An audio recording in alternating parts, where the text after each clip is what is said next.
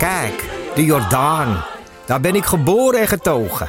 De nieuwe Nederlandse musical Onze Jordaan van Diederik Ebbingen is dit najaar in de theaters te zien. Koop nu uw kaarten op onzejordaan.nl.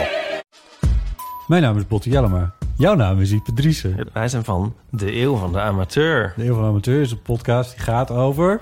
Alles. Het is een eh, podcast over levenskwesties die je niet kunt googlen. Een soort licht neurotische blik op het leven. Het is een podcast met humor. Jezus. Kijk, een grapje. Die, die vragen durft te stellen en die je ook onbeantwoord durft te laten. Mooi. met een regenboogvlagje. Dat, dat noem je queerbot. Dat het an- regenboogvlagje, dat klinkt echt als een soort... Eh, ik bedoel, iedereen is welkom. Kom ons luisteren in je favoriete podcast-app. Dit is Man met de microfoon en hij woont met Paulien en Wiek een jaar in Sheffield. En deze aflevering heet Een landhuis met 300 kamers.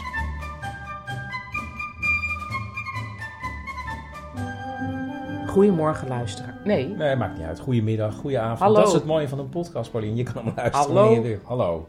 luisteraars. We zitten weer op de bank.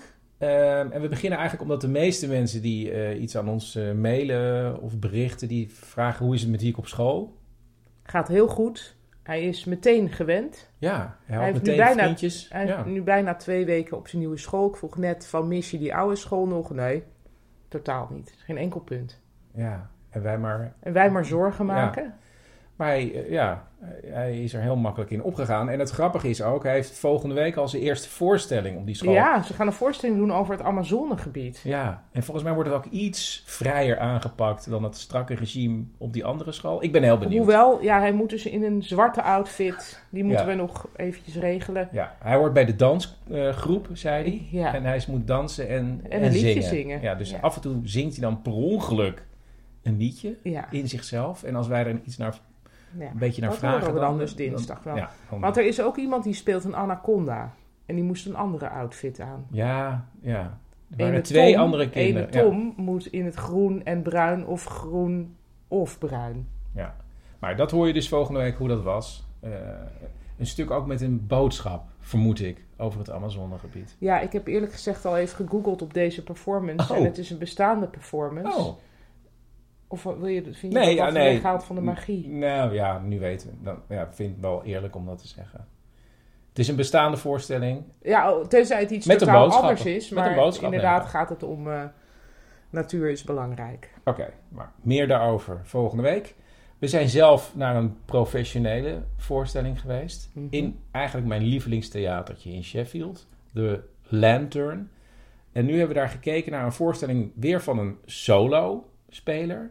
Past ook niet echt heel veel meer op het podium. Nee, en die speelde, eh, bleek later, ik dacht hij speelde een stuk The Signal Man van Charles Dickens. Maar hij deed gewoon een, hij, hij las gewoon het verhaal, een kort verhaal voor van Een Dickens. theatrale voorlezing. Ja, en wat eh, Charles Dickens vertelde hij zelf ook heel veel deed. Ja, dat was wel grappig. Ja.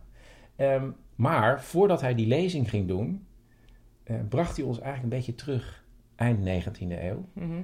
in de wereld van het spiritisme. Ja.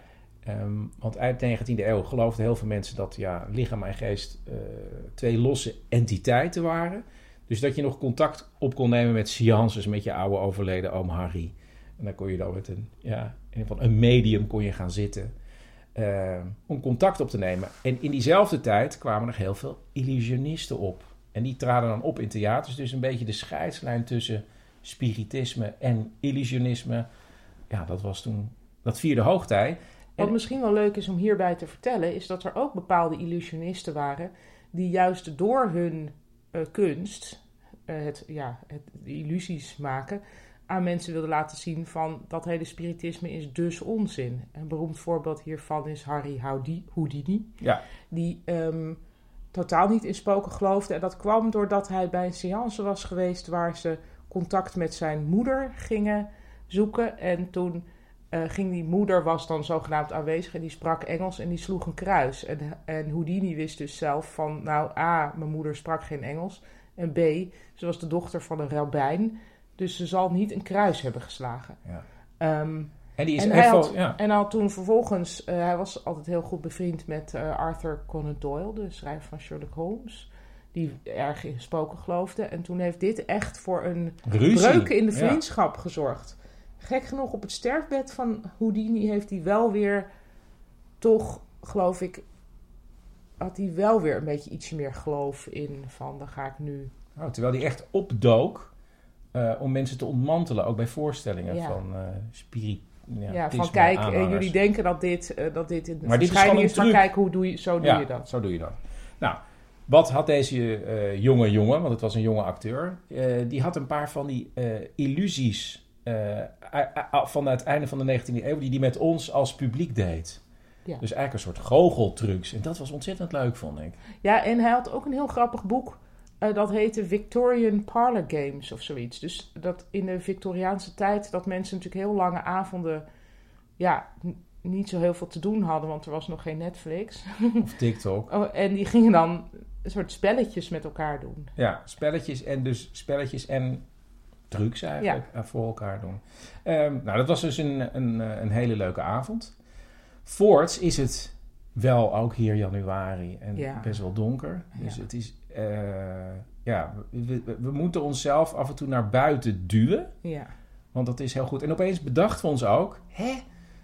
We hebben aan het begin van het jaar al tegen elkaar gezegd, nou, als we hier zijn, kunnen we ook als we week eh, op school zitten zelf een grote wandeling gaan maken. Hebben we nog helemaal niet gedaan. Door de weeks, nee. met z'n tweeën. En eh, dat hebben we dus vorige week gedaan. Ja. En dat hebben we wel meteen gekoppeld aan een eh, historische plek. En dan gaan we nu, ja, daar gaan we nu naar luisteren.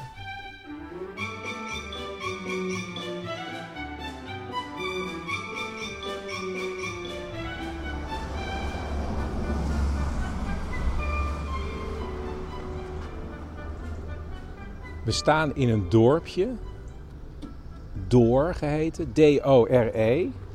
En ik denk dat het nog bij Sheffield hoort. Denk jij ook niet? Ja.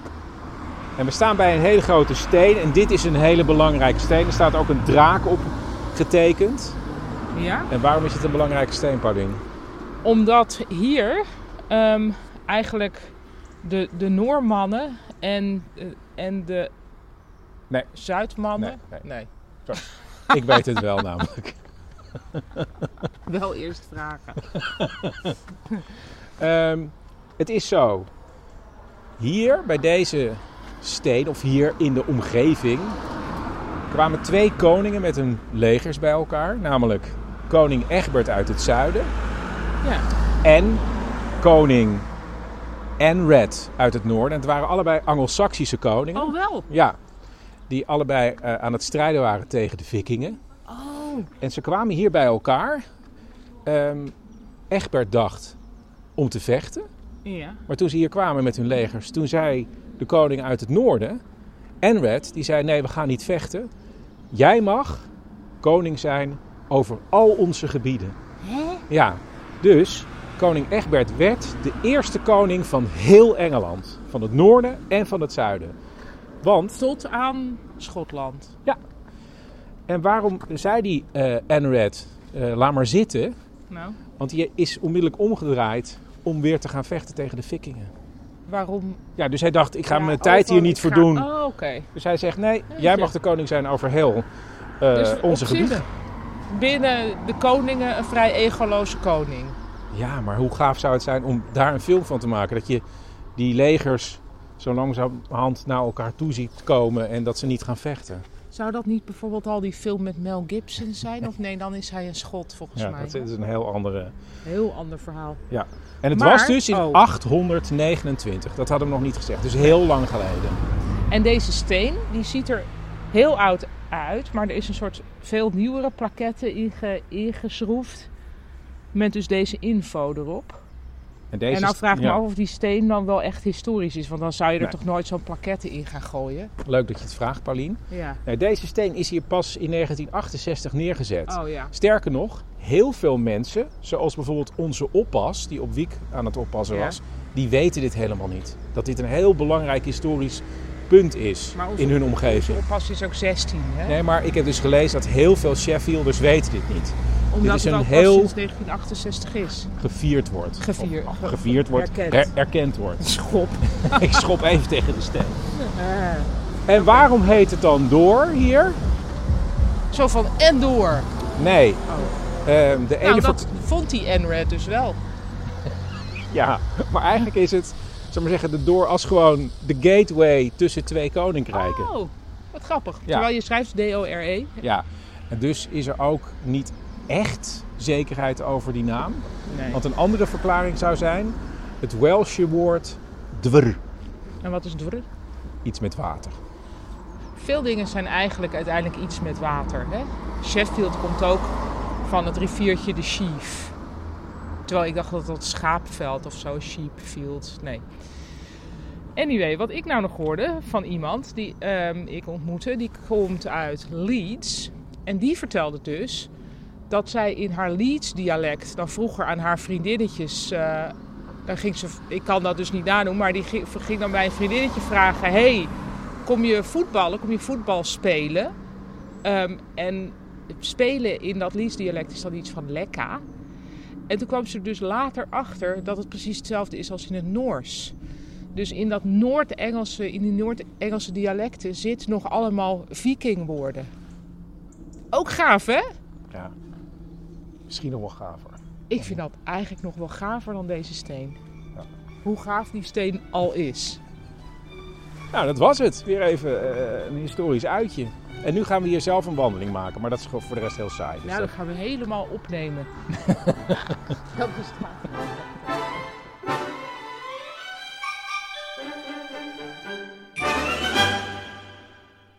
Op zich vind ik dat een goed idee van jou, Paulien, om eh, te luisteren gewoon puur naar iemand die eh, aan het wandelen is. Nee, nou, ik denk het toch niet. Want ik heb een keer een podcast geluisterd van de BBC. Dat was dat. Daar was een soort heel upperclass Engelse man. Die ging dan in Duitsland de reis nalopen die Bach van Hamburg naar Leipzig of omgekeerd, weet ik veel. maar min of meer real time. Daar Ja. Oh, En wat het dus het vervelende is, dan ging hij allemaal feitjes vertellen, maar dan hoor je hem tussendoor ook zo, hoor je zo knisp, knisp van die schoenen. En ja, toch ook een beetje buiten adem vaak. oh ja. Terwijl mijn idee was om een keer met jou te gaan wandelen. Ja. En dan, zal maar zeggen, eh, de recorder aan te zetten. En dan na een half uur weer uit. En dat we dat dan als aflevering uitzenden. Dat lijkt Maar dan hoor je dus zo. Ja, dat is hartstikke leuk volgens mij. Ik weet nog in coronatijd dat ik toen dacht... Oh, de ideale podcast zou nu zijn dat je zegt... ehm, je hoort nu een wandeling van, eh, van, eh, van Para- uit Parijs... vanaf de Eiffeltoren naar de Arc de Triomphe. En dat je gewoon iemand alleen maar hoort wandelen over straat... ja, dan Met kun je de dat, metro. terwijl je zelf wandelt, kun je dat Ja. luisteren, zodat het lijkt alsof je door Parijs loopt. Nou, Maar dan hoor je dus idee. niet gestap en gezucht. Nee. Ja, nee, dat is waar. Maar dan ben je er eh, wel. Nou, we zijn er nog niet uit. Maar zo'n aflevering van een half uur, ja, dat lijkt me toch leuk. Eh, iets anders wat we ontdekten, wat we nog helemaal niet gedaan hadden, was naar een, een landhuis of een kasteel Ja. gaan. Terwijl dat iets is als je aan een klas met, eh, met Engelse studenten vraagt van voor wie is het normaal om in het weekend vroeger hè, met, met het gezin naar een landhuis te gaan, dan, dan steekt iedereen zijn vinger op. Ja, maar we zijn wel op eh, plekken geweest rondom een landhuis, maar nog nooit naar een landhuis zelf. Ja. Dus dat hebben we ook gedaan. Hup. Hup.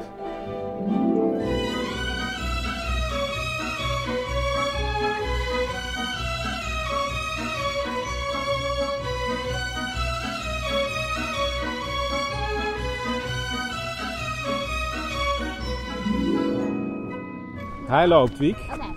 We staan op een parkeerterrein. Van een gigantisch groot gebouw. Ehm, het ziet er heel voornaam uit. Het heeft heel veel grote ramen en torens. Ik zie ook twee klokken. En eh verdiepingen, gigantisch grote ramen. En het is helemaal gemaakt uit één kleur steen. Ja.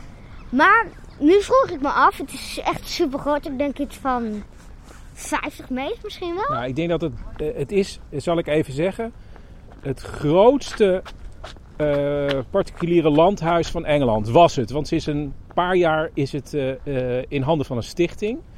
Maar ik denk dat het... Ja, Paulien, 500 meter breed? Eh, nee, nee, dat denk ik niet. Oké, dan zoek ik het gewoon later nog even op. En dan spreek ik het er wel even tussenin. Ja, hier ben ik even als voice-over. Ehm, ik heb het uitgezocht. Het is 618 feet breed. En dat is 188 meter. Maar het is echt heel breed hoor, als je ervoor staat. Maar goed, dat was het. Eh, Maar- Wiek, ja. Ik vroeg me dus af, want het ziet er heel groot uit. Maar eigenlijk, een huis wordt niet zomaar gebouwd. En het ziet er wel zo uit alsof het geen kantoor is. Dus nu vroeg ik me af, wie, wie of wat was er nou eigenlijk? Waar is het huis voor gebouwd? Wie woonde erin? Oké, nou, er woonde natuurlijk een hele rijke familie in. Ehm, dit huis heet Wentworth Woodhouse. En in deze omgeving eh, waren heel veel kolen te vinden. En deze familie die hier ooit woonde, is superrijk geworden met ja, het opgraven van kolen. Maar Wiek, op het laatst... Hè? Het op laten graven. Van Ja, op het kolen. op laten graven. Heel scherp, heel scherp. Ehm, Gewoon een paar mensen voor. Maar, dus, Nou ja, en het is eigenlijk wel bijzonder, want het is een ontzettend... Ja, we zitten onwijs in de wind. Ik denk dat het toch wel heel leuk is, de couleur lokaal. Ja, oké. Het bijzondere is, het is een ontzettend groot landhuis. En het is er nog. Want aan het begin van de vorige eeuw zijn er heel veel landhuizen met de grond gelijk gemaakt. Wat jij ook weet, toch, Paulien? Ja, ik heb een keer een boek gelezen van een man van wie het de baan was om eigenlijk namens de National Trust te proberen om landhuizen door de National Trust over te laten nemen. En die man die ging dan echt zo op een fietsje, kwam hij weer in een nieuw, of in, nieuw, in dus een heel oud landhuis waar er zo'n heel oud, oud dametje die met sjaals en mutsen in de keuken zat, omdat er geen geld meer was om het te laten verwarmen. Eh, en dan moest hij zeggen van ja, maar we kunnen het misschien toch ook overnemen van u. We gaan even een stukje meer uit de wind staan. Ja, misschien moet ik er toch nog even iets- iets over zeggen, want je hoort nu heel veel wind. Maar als audiomaker ben ik heel gevoelig voor elk geluidje wat ik op de achtergrond hoor. Als ik iets aan het opnemen ben, iemand aan het interviewen. Ik hoor onmiddellijk als ik bij iemand thuis ben of er een soort piepje uit een ijskast komt. Ja, en vooral buiten is het natuurlijk bloedirritant als je bijvoorbeeld eh, huilende baby's op de achtergrond hebt. Of eh, honden. Oh, honden. Maar goed, we hadden een bankje gevonden dat tegen het landhuis aanstond, uit de wind. En eh, Chris, ja, daar ging je weer verder over de National Trust. Pak het daar maar weer even op. Dus mama heeft een boek gelezen over iemand die probeerde huizen over te nemen. Maar er zijn ook heel veel kastelen en landhuizen gewoon met de grond gelijk gemaakt. Omdat het niet ja, te doen was om dit allemaal te onderhouden. En hier in dit enorme landhuis woonde eh, aan het eind van de Tweede Wereldoorlog eigenlijk een man alleen met zijn vrouw. In dit gigantische landhuis. even, maar ik kijk nu even omhoog en het is echt gigantisch hoor. Ik zie echt een dak en die palen staan recht omhoog. Eh, maar toen is er ook iemand nog van de National. Er zit een hond trouwens ook te janken. Ik kan het helemaal niet. Ja, waarom nou? Ik dacht dat het kleine babyvogeltjes waren, maar het was een hondje. Je kan gewoon zeggen dat het kleine babyvogels Ja, er zijn hier nog meer mensen. Er zijn nu nog meer mensen, Ja, pap. maar waarom blijft die hond huilen? Ja, er is iets met die hond. Ja, pap, nu heb je hem boos gemaakt, hè? Dan gaat hij expres door.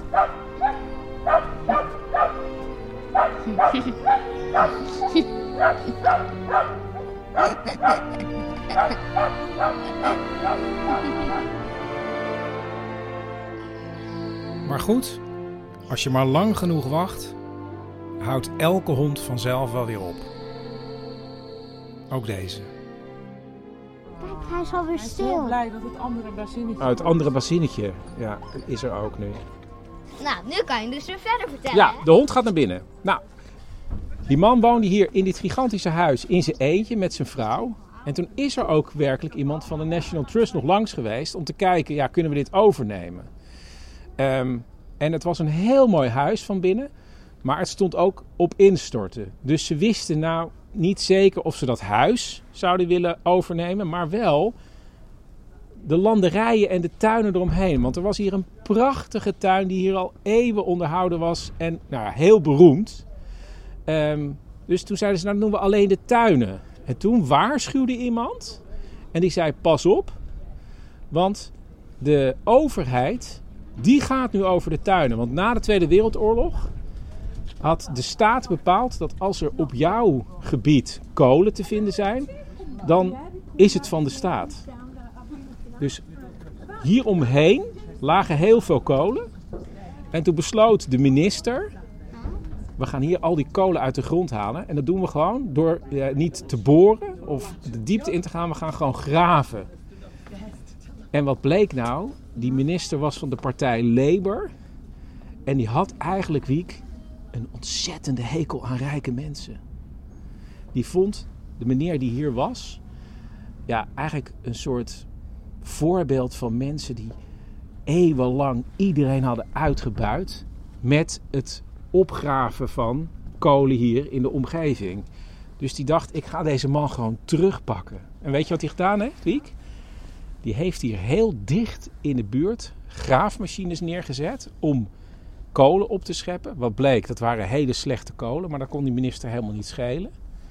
En die heeft toen eigenlijk een soort enorm slagveld hier. Het leek wel alsof het de Eerste Wereldoorlog was, alsof hier een soort loopgravenoorlog aan de gang was. Dit hele terrein was één groot slagveld. En die man, die eigenaar, Pieter uh, Wentworth Fitzwilliam, heeft er alles aan geprobeerd om dat tegen te houden, maar dat is hem niet gelukt. En het treurige is, dit was allemaal vlak na de Tweede Wereldoorlog, dat hij um, zelf is omgekomen in 1948 met een vliegtuigongeluk. En Paulien, dit vind jij misschien wel interessant. Weet je wie zijn minnares toen was? Want hij had een vrouw, die zat hier in het kasteel, maar hij had een minnares, want hij lag min of meer in scheiding. Oh. Kathleen Kennedy, de zus van John F. Kennedy. Oh. Daar had hij. John F. Kennedy is de oude president van de Verenigde Staten.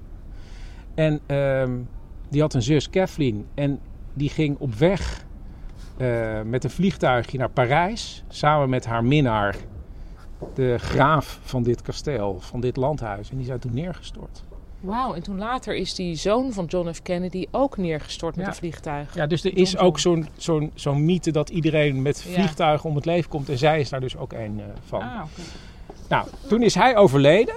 En toen ehm, heeft zijn familie dit uiteindelijk verhuurd aan een soort eh, school voor lichamelijke opvoeding. En uiteindelijk ook zijn er studenten in gaan zitten van de andere universiteit in eh, Sheffield, van Hallam University. En ehm, ik geloof dat het in 1988 pas door de familie verkocht is aan een ander iemand, een heel rijk iemand. Maar sinds 2017 is het eh, in handen van een stichting. En wij zijn natuurlijk naar binnen gegaan. Maar stel je voor, hè, dit is een landhuis met 300 kamers. En wij zijn er door een paar heen gelopen. Er is niet heel veel te zien eigenlijk. Ja, de mooie plafonds en mooie muren, soms beschilderd. Maar voor de rest helemaal leeg. En soms staan er foto's wat er vroeger in een kamer gestaan of gehangen heeft. Bijvoorbeeld alleen maar schilderijen. Er was ook een kamer waar alleen maar standbeelden in stonden vroeger.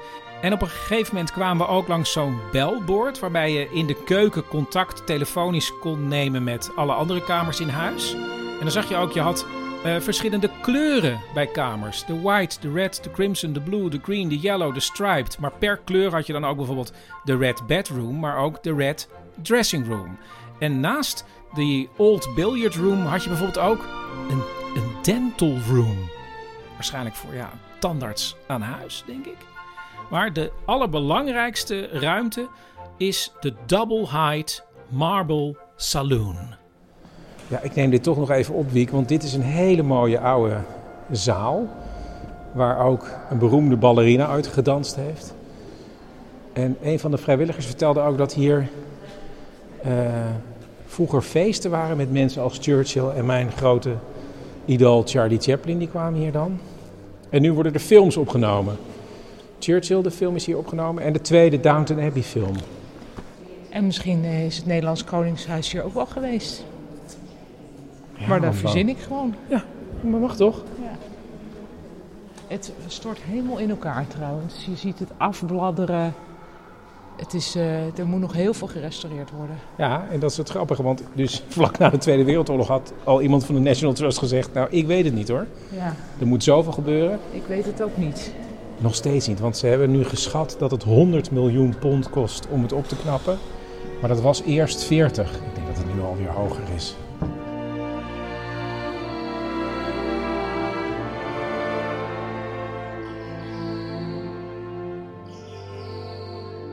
Eh Paulien, we zitten weer even op de bank. Eh, we gaan in de reportage zo nog even naar buiten, naar de tuin.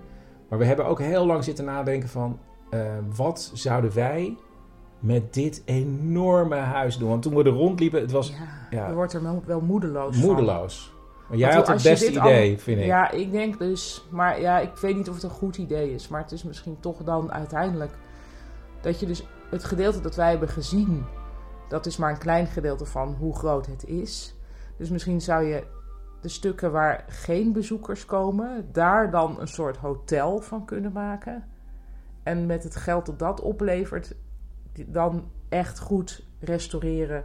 Waar je, waar je wel kunt kijken als bezoeker. Ja. Ik had vooral het idee, die vrijwilligers die waren heel enthousiast, maar ik denk dat die niet door de enorme klus heen kunnen kijken. Want ik denk dat daarom de National Trust Ik uiteindelijk denk dat zij er juist wel doorheen kunnen Oh. kijken, maar dat is het probleem. ja, maar ik denk dat daarom de National Trust zich ook niet eh, gemeld heeft om dit enorme huis te redden. Nee, die denken echt van ja, Niet aan beginnen, niet aan jongens. beginnen. Het is zo groot. Ja, en- Heel leuk trouwens. Ik lees momenteel. Mag ik dat ja tuurlijk. Eh, ik lees momenteel het boek Orlando van ehm, Virginia Woolf. Dat kende ik alleen van de film. Vind ik een heel leuke film met een jonge Tilda Swinton. Is wel een tip. Kun je gewoon gratis kijken op YouTube. Ehm, en dat is een verhaal dat gaat over een edelman eh, in de 17e eeuw. Ehm, maar die blijft steeds maar leven. Dus die blijft steeds jong eigenlijk. En die, die leeft door de hele geschiedenis heen. En die woont ook in zo'n huis met 300 slaapkamers. En op een gegeven moment gaat hij een tijd weg en dan wordt hij een vrouw. Dus een heel vooruitstrevend boek, 1927. En dan verder is het, ja, wordt er gesproken over she en her en is zij een dame. En gaat ze zo verder de tijd door. Orlando. Orlando en het is ook leuk om te lezen, weet ik nu, want ik ben erin bezig. Oké, nou we waren dus in ons eigen 300 kamer grote landhuis. Ehm, en toen we daar doorheen eh, gelopen waren, zijn we eh, onder leiding van Wiek, die had een plattegrondje, eh naar buiten gegaan.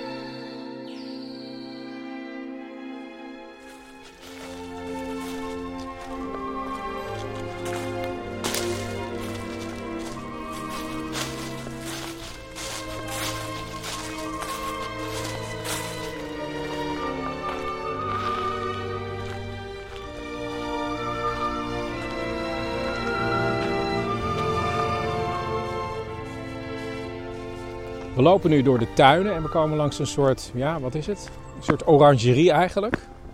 Nou, het heet eigenlijk het Camilla House. Ja, en hier we- werden dus van allerlei dingen verbouwd binnenin. Eh, tropische planten, maar bijvoorbeeld ook ananassen heb ik gelezen. Oh. En toen las ik, maar je, je moet even zeggen mij ananas. En, en, Ja, dat is jouw favoriete vrucht. Als er gewoon een gerecht is, gewoon een prima gerecht, wordt het voor jou altijd beter met ananas. ja, en nu heb ik is, Maar alles, hè? Wacht Verzin even, maar eens gewoon wacht iets. even een check doen. Ehm ehm Nou, weet je- gehaktballen. met ananas. Zo, dat zou hij zo Ja, lekker vinden. zeker. Maar nu las ik dus iets over de ananas, wat ik wel heel interessant vond. Want er was in de 18e eeuw de ananaskoorts. De ananas was toen Oh, geïntroduceerd in Europa. En eh, de rijke mensen, als die een dinerfeestje hielden, dan zetten ze een ananas als centerpiece op tafel. En op een gegeven moment gingen ze ze ook verbouwen. En dat deden ze in een soort kleine kastjes die waren ontwikkeld in Nederland. En op een gegeven moment was het de gekte rondom de ananas zo hoog dat als je een beetje wilde doen alsof je rijk was, dan wilde je zo'n ananas op je tafel hebben staan. Dus kon je ook ananassen huren. Wauw. En daarom, Wiek, zie je ook heel vaak bij eh, kastelen en landhuizen uit de 18e eeuw... heel vaak op gebouwen een hele grote stenen ananas staan. Wauw. Ja. Nou, Wil je dat ook? nee, dat, want ik vind een ananas qua vorm nou niet heel erg mooi.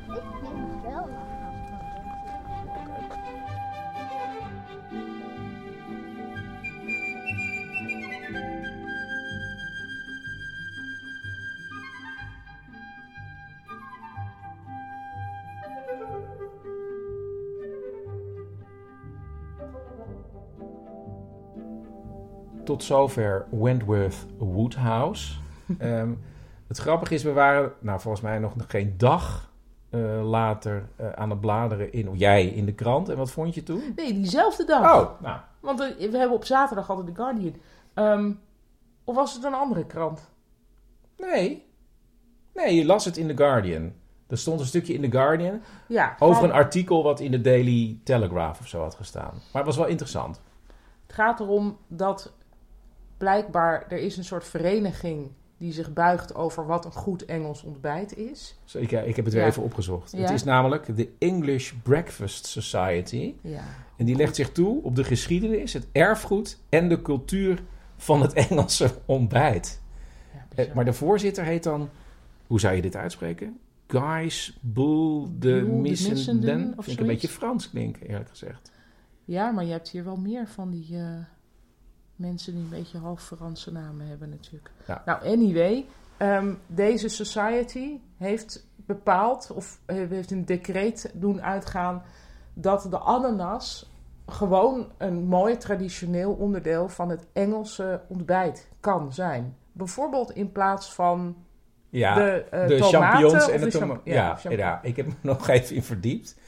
Ehm, die mensen zeggen ja, want eh, toen de ananas heel populair was, werd hij door rijke mensen uitgeserveerd bij het ontbijt, gegrild. Ehm, dus, zei die voorzitter, die, eh, van, Guys, die? die zei, ja, ehm, dus het is onderdeel van de geschiedenis. Dus ja, ruil het maar eens in voor de champignon of tomaat. Want, zegt hij dan zelf, ja, niemand vindt die tomaat toch lekker. Ja, dat vind ik zo raar. Terwijl ik vind echt, bij een Engels ontbijt vind ik dat tomaatje heel erg lekker. Maar ik vond het wel... Dan kan je eh, ook wel zeggen, nou, doe alleen maar doe een bak ananas en, en ook niet de worstjes. En, Nee. En hij haalt dan ook eh, koning Charles II aan. Die leefde aan het einde van de 17e eeuw. En die eh, had dan eh, ook al ananas bij het ontbijt. Maar het grappige is, die had misschien wel ananas bij het ontbijt. Maar die kwamen echt uit Zuid-Amerika. Die waren helemaal niet eh, daar gekweekt. Ehm, Je bedoelt niet in Engeland gekweekt. nee, nee, nee. Want ik zei het al, dat, er Maar dat is was een- totaal niet duurzaam. Nee, maar er was dus een, in, Nederland is er een kastje ontwikkeld, vertelde ik al eerder. Ehm, en het blijkt ook dat de allereerste Europese ananas is in Nederland gekweekt. Door een vrouw. Oh, grappig hè? Agneta Blok in 1687 Wauw. heeft zij op haar eh, zomerverblijf Vijverhof bij Leiden voor het eerst zelf een, eh, een ananas gekweekt. Daar is een schilderij van. Net zoals er ook van Charles II een schilderij is. Want die was gek met ananassen. Dat zijn tuinman hem een ananas presenteert. Maar die tuinman heeft zelf nooit een ananas gekweekt. En ehm, er waren op dat moment... Zij was de eerste, die Agneta Blok. En vlak daarna was het ook eh, gelukt in de Amsterdamse Hortus. En ehm, omdat onze koning Willem III even later ook koning van Engeland werd... zijn ook alle Nederlandse ananassen voor een groot gedeelte meegenomen naar Engeland en daar weer verder gekweekt. Wauw. En waarom is er dan in de 70s zo'n opleving geweest? Dat komt door de Tong Picasso, denk ik. Ik weet ja, het niet. en de, en de pizza Hawaii. Pizza Hawaii, ja. Nou, ik vind de ananas eh, een, eh een groots product. Ik zou... Ja, mijn leven zou niet anders zijn als de ananas niet zou bestaan. Oké, nou, tot zover de ananas. En volgens mij ook min of meer tot zover de aflevering van deze week. Ik moet nog wel even vermelden, vorige week had ik eh, gezegd dat als je ergens gaat wonen... en je ziet alleen maar vreemde mensen... dan herken je toch opeens je moeder of je zwager bij de bushalte. En ik had dus een acteur eh, ontdekt in eh, de boekwinkel waar ik heel veel zit te werken. Richard Kind. Ehm, die, het, wa- het, het was eigenlijk gewoon een man die pulpromannetjes las. En ik was heel benieuwd waarom dat zo was, omdat hij aantekeningen maakte. En ik heb hem vorige week nog één keer gezien. En toen dacht ik, oh, nou dan ga ik hem zo meteen even aanspreken. En toen was hij weg. Dus die moet ik nog even later proberen. Maar jij bent vinden. van plan hem te vragen Ja, van wat- waarom lees je zulke slechte Ja. boeken? Of... Nee, want Oh. hij is er aantekeningen Oh, ja, in aan het maken. Dus misschien doet hij onderzoek. Het zou kunnen? Ja. Of het kan iemand zijn die helemaal in zijn eigen realiteit. Dat zou ook heel goed kunnen. Nou ja, tot volgende week. Dag!